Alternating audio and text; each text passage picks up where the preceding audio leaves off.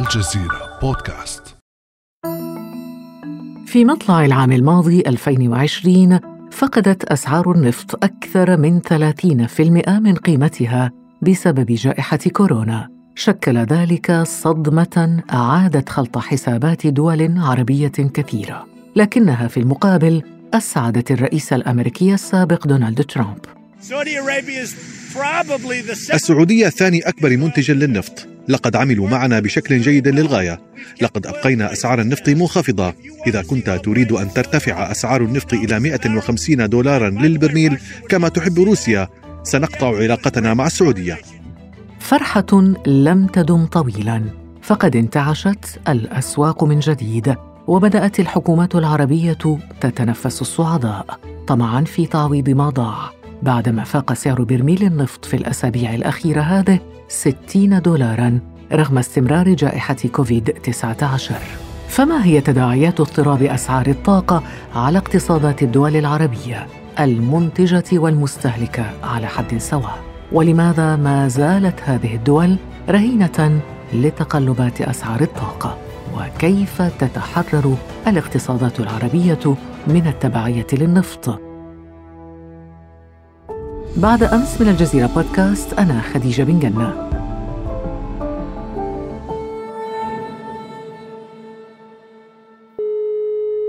يسعدني أن أرحب في هذه الحلقة بضيفتنا الدكتورة نسيمة أهاب العثامنة أستاذة الاقتصاد والعلوم السياسية بجامعة باريس نانتير. أهلا وسهلا بك دكتورة نسيمة صباح الخير.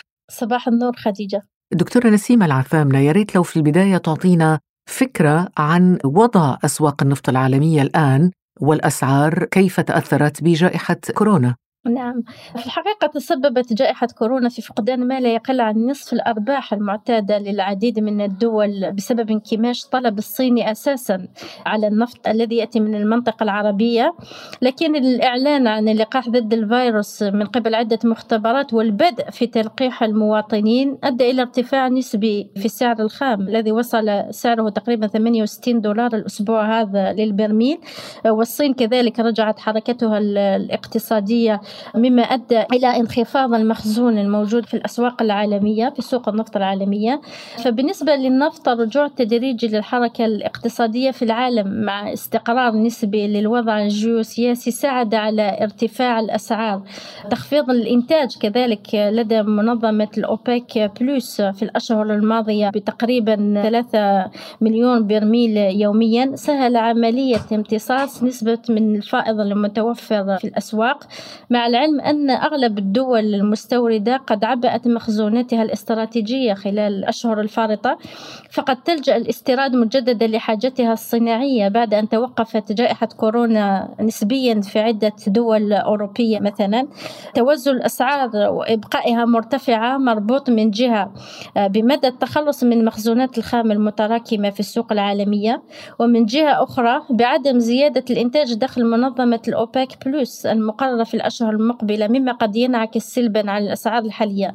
لاحظنا في دورات بين روسيا والسعودية فتم الاتفاق على رفع الإنتاج لدى منظمة أوبك بلوس لأنه رجعت الحركة الاقتصادية نوعا ما لطبيعتها فهذا قد يؤثر على الأسعار. ستنخفض بشكل إيجابي؟ لا بالعكس بشكل سلبي لأن المخزونات لازالت متراكمة في السوق العالمية. هناك انخفاض قليل جدا لكن المخزون لا زال مرتفع فليس من مصلحة الأسعار في هذه الفترة أن تزيد روسيا السعودية من إنتاجها داخل اتفاق أوبك بلوس. بالعكس فيجب خفض الإنتاج أو على الأقل الحفاظ على الاتفاق الذي قرروه خلال بداية السنة على تخفيض الإنتاج بما يقارب 3 مليون برميل يوميا من أجل الحفاظ على الأسعار المرتفعة. للحفاظ على الأسعار المرتفعة ولكن هل أسعار الطاقة الحالية والتي قلنا إنها مرتفعة مناسبة للاقتصادات العربية بشكل عام؟ أسعار الطاقة الحالية 68 دولار للبرميل مناسبة لبعض الدول مثل كالدول الخليجية منها الإمارات وقطر. لكن بالنسبة للدول الثانية في شمال إفريقيا كالجزائر وليبيا فالأسعار التي يمكنها أن تخلق توازن في ميزانيتها يجب أن تتراوح ما بين 120 إلى 145 دولار للبرميل وهو بعيد جدا في الوقت الحالي. فشاهدنا في الماضي مدى تأثير هبوط أسعار النفط على اقتصاد الدول العربية كما حدث مثلا في 1986 حيث اضطرت أغلب هذه الدول إلى اللجوء للاقتراب من صندوق النقد الدولي للخروج من الأزمة الانخفاض المفاجئ كذلك في 2014 بين مدى هشاشة اقتصاد الدول المصدرة للنفط التي تعتمد على دخل هذه المادة كمصدر رئيسي لتمويل اقتصادها مع العلم أن التأثير يختلف مرة أخرى بين دول شمال إفريقيا والدول الخليجية باستثناء عمان والكويت. فهذه الدول تعتمد في ميزانيتها على النفط بنسبة تتراوح ما بين 40 إلى 95% فقد أحدث انخفاض الأسعار خللا كبيرا في ميزانية الدولة الدولة حيث ترتبت عنه تداعيات اقتصادية واجتماعية مهمة مثل التراجع عن الاستثمارات والمشاريع التنموية التي قررت قبل جائحة كورونا. البطالة كذلك والفقر زاد بطريقة سريعة جدا مما اضطر الدول إلى تخصيص ميزانية جديدة لمجابهة هذه المشاكل بسبب فيروس كورونا.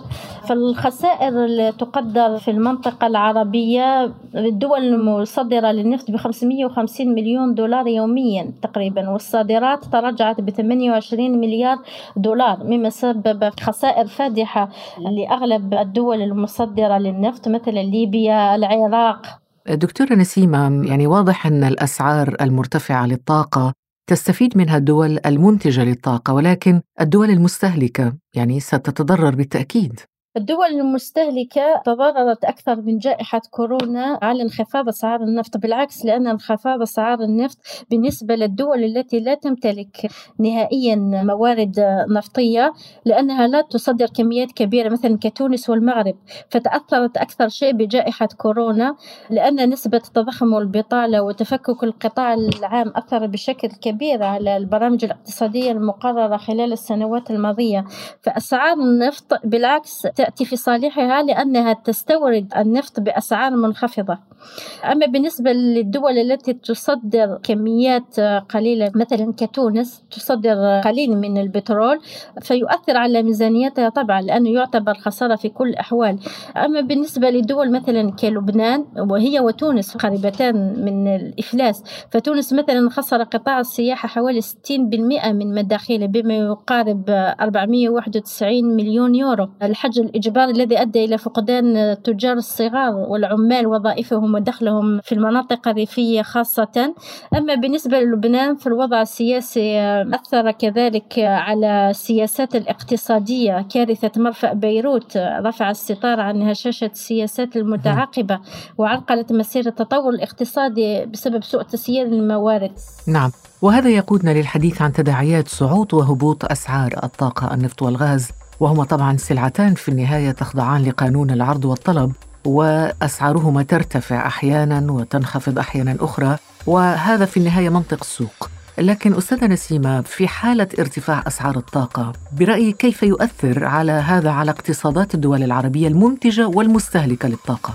آخر الإحصائيات مثلا لدول الخليج لوحدها يمكن أن يصل العجز مع مطلع 2023 إلى 490 مليار دولار. إذا لم ترجع أسعار النفط لمستواها الطبيعي أي فوق 55 دولار للبرميل على الأقل. أما فيما يخص دول كالجزائر مثلا التي اعتمدت على احتياط النقد الأجنبي منذ 2014 ستضطر إلى التداين من الخارج في حالة ما إذا لم تتخذ الإجراءات اللازمة دول الخليج مثلا كالسعودية والإمارات وقطر تستطيع تستثمر في الغاز الطبيعي وكذلك في الاستثمارات الأجنبية والدخول كشريك مهم جدا في عدة شركات أجنبية. السعودية مثلا أعلنت منذ أيام عن بيع واحد بالمئة من شركة أرامكو لعملاء صينيين. دول أخرى للأسف لا تزال مرتبطة بأسعار النفط كالجزائر وليبيا واليمن والسودان وهذه للأسف ستتعرض في السنوات حتى في الأشهر المقبلة. يمكن تضطر للتداين من صندوق نقد دولي أو جهات أخرى في الأسواق المالية من أجل تسديد احتياجاتها. الجزائر أولها لأنه لم يبقى إلا 42 مليار دولار في الصندوق الاحتياطي وهو يكفي تقريبا لثمان أشهر استيراد. نفس الأمر طبعا بالنسبة لليبيا وسوريا واليمن التي تعاني من الحروب. إذا واضح أن أغلبية الاقتصادات العربية لا تزال مرتبطة بتقلبات أسواق الطاقة، لذلك هي تتأثر بشدة بارتفاع الأسعار أو بانخفاضها، وبعض الدول العربية تتأثر سلبا وبعضها إيجابا. لماذا إذا برأيك دكتورة نسيمة الدول العربية المنتجة طبعا تبقى دائما حبيسة الطاقات التقليدية ورهينة الاقتصادات الريعية؟ أين الخلل؟ الخلل هي في سياستها الاقتصادية منذ أن اكتشفت احتياطاتها من النفط. هناك دول منذ اكتشاف احتياطاتها من النفط حاولت استثمار هذه الموارد في قطاعات أخرى ما عدا النفط وللأسف دول أخرى اعتمدت على إيرادات النفط كدخل رئيسي ولم تطور اقتصادها بالنتيجة فبعض الدول مثلا مثل قطر الإمارات والسعودية اعتمدت نظرة مستقبلية 2030 من أجل تخفيف ارتباط اقتصادي اقتصادها بالنفط وهي بالفعل نجحت في ذلك بحيث ركزت في خطواتها ما بعد النفط على قطاعات مهمة كالطاقة المتجددة السياحة الأسواق المالية والمعرفة لمواكبة الاقتصاد العالمي. فدول الخليج عكس دول شمال إفريقيا كالجزائر ومصر وليبيا والعراق حيث يلعب عامل الكثافه السكانية دور فعال في استغلال الموارد المالية وإعادة توزيعها. مشاكل كبيرة تعاني منها الدول المصدرة للنفط أغلبها طبعا الدول الموجودة في شمال إفريقيا كالفساد وسوء التسيير السياسي والاقتصادي سوء الحوكمة. فنلاحظ أن هناك استراتيجيات على المدى المتوسط والمدى الطويل تستطيع بها الدول تنويع اقتصادها من جهة والخروج من التبعية للنفط من جهة أخرى. لكن هذه الأمور تتطلب إرادة سياسية قوية جدا من أجل تجسيدها في الواقع. طيب نلاحظ أيضا دكتورة أنه ليس هناك سياسات عربية منسقة أو تنسق بين المنتج والمستهلك لمواجهة تقلبات أسعار الطاقة واضطراب المداخيل. هناك استراتيجية موحدة نوعا ما في ظل منظمة الأوبك فمعظم الدول تقريبا تتفق على قرار موحد لكن كل دولة للأسف تسعى لمصالحها الشخصية. فهناك دول خرجت من منظمة الأوبك كي تحافظ على استقلاليتها في سياستها النفطية وهذا طبعا مشروع جدا. لكن نلاحظ تفاوتات وهناك تباين كبير جدا في الاحتياطات الموجودة لدى الدول مثلا السعودية الذي يعتبر أول منتج في المنطقة وثاني منتج في العالم بمقارنته مثلا مع عمان والكويت وحتى الجزائر التي لديها تقريبا 12 مليار برميل نفطي. فتباين هذا في الاحتياطات قد يؤدي حتما إلى تبني سياسات مختلفة. فمصالح السعودية تختلف عن مصالح الجزائر أو ليبيا. فالتنسيق بين السياسات لمختلف هذه الدول يكون صعب جدا بالنتيجة. لكن دكتورة نسيمة هل برأيك هناك حلول وخطط محددة واضحة تجعل الدول العربية المنتجة والمستهلكة على حد سواء تقلل من الانعكاسات السلبية التي تحدثت عنها قبل قليل؟ نعم. آه، تحدثت قليلا عن الحلول في المحور السابق آه، مثلا كالتعاون داخل المنطقة العربية بين أغلب الدول ومحاربة الفساد وسوء التسيير والحوكمة. لكن هناك سياسات مرتبطة بإرادة السلطات السياسية في هذه الدول. مرة أخرى دول الخليج ومنها الإمارات وقطر في القمة قد نجحت في استراتيجيتها لما بعد النفط رغم أن هناك طبعا خطوات مستقبلية الدولية يجب أن تعتمد عليها لكن لحد الآن نجحت في سياستها للتخلص من الطبيعية المطلقة للنفط. فالجزائر وليبيا والعراق هذه الدول تعاني من سوء حوكمة كبير جدا ونسبة السكان كذلك كبير وعدم إرادة السلطات السياسية في التخفيف من التبعية لأنه طبعا يصب في مصلحتها أن تبقى الأمور على ما هو عليه حاليا. فأنا من وجهة نظري أن الأمور في بعض الدول العربية المصدرة للنفط وكذلك الدول الغير مصدرة لأنها تعتبر دول ريعية حتى ولو أنها لا تمتلك موارد طبيعية كتونس ولبنان. لا تعرف كيف تستثمر أصولها المالية أو حتى الإمكانيات الإنسانية التي لديها خصوصا على مستوى الدولة ومستوى المجتمع.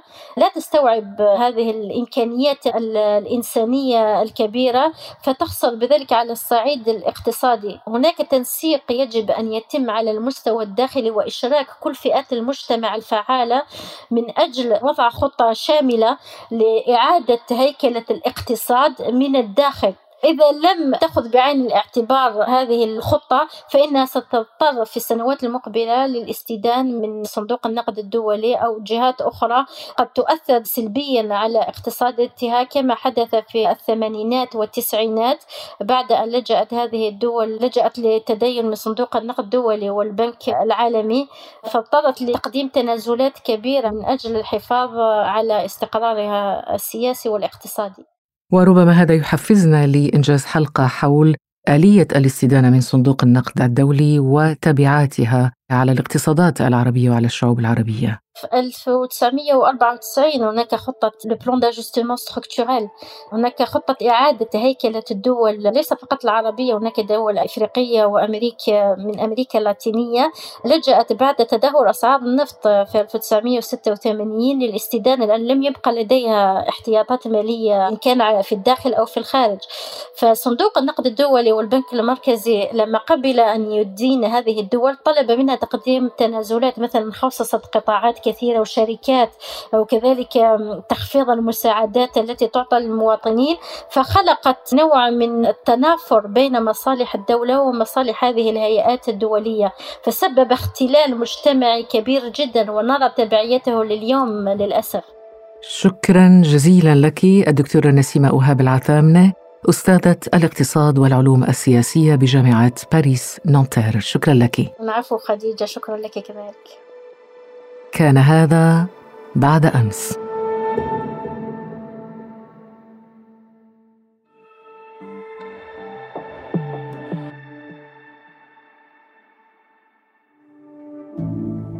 ابقى على تواصل مستمر مع الجزيرة بودكاست ولا تنسى تفعيل زر الاشتراك الموجود في تطبيقك. لتصلك الحلقات يومياً.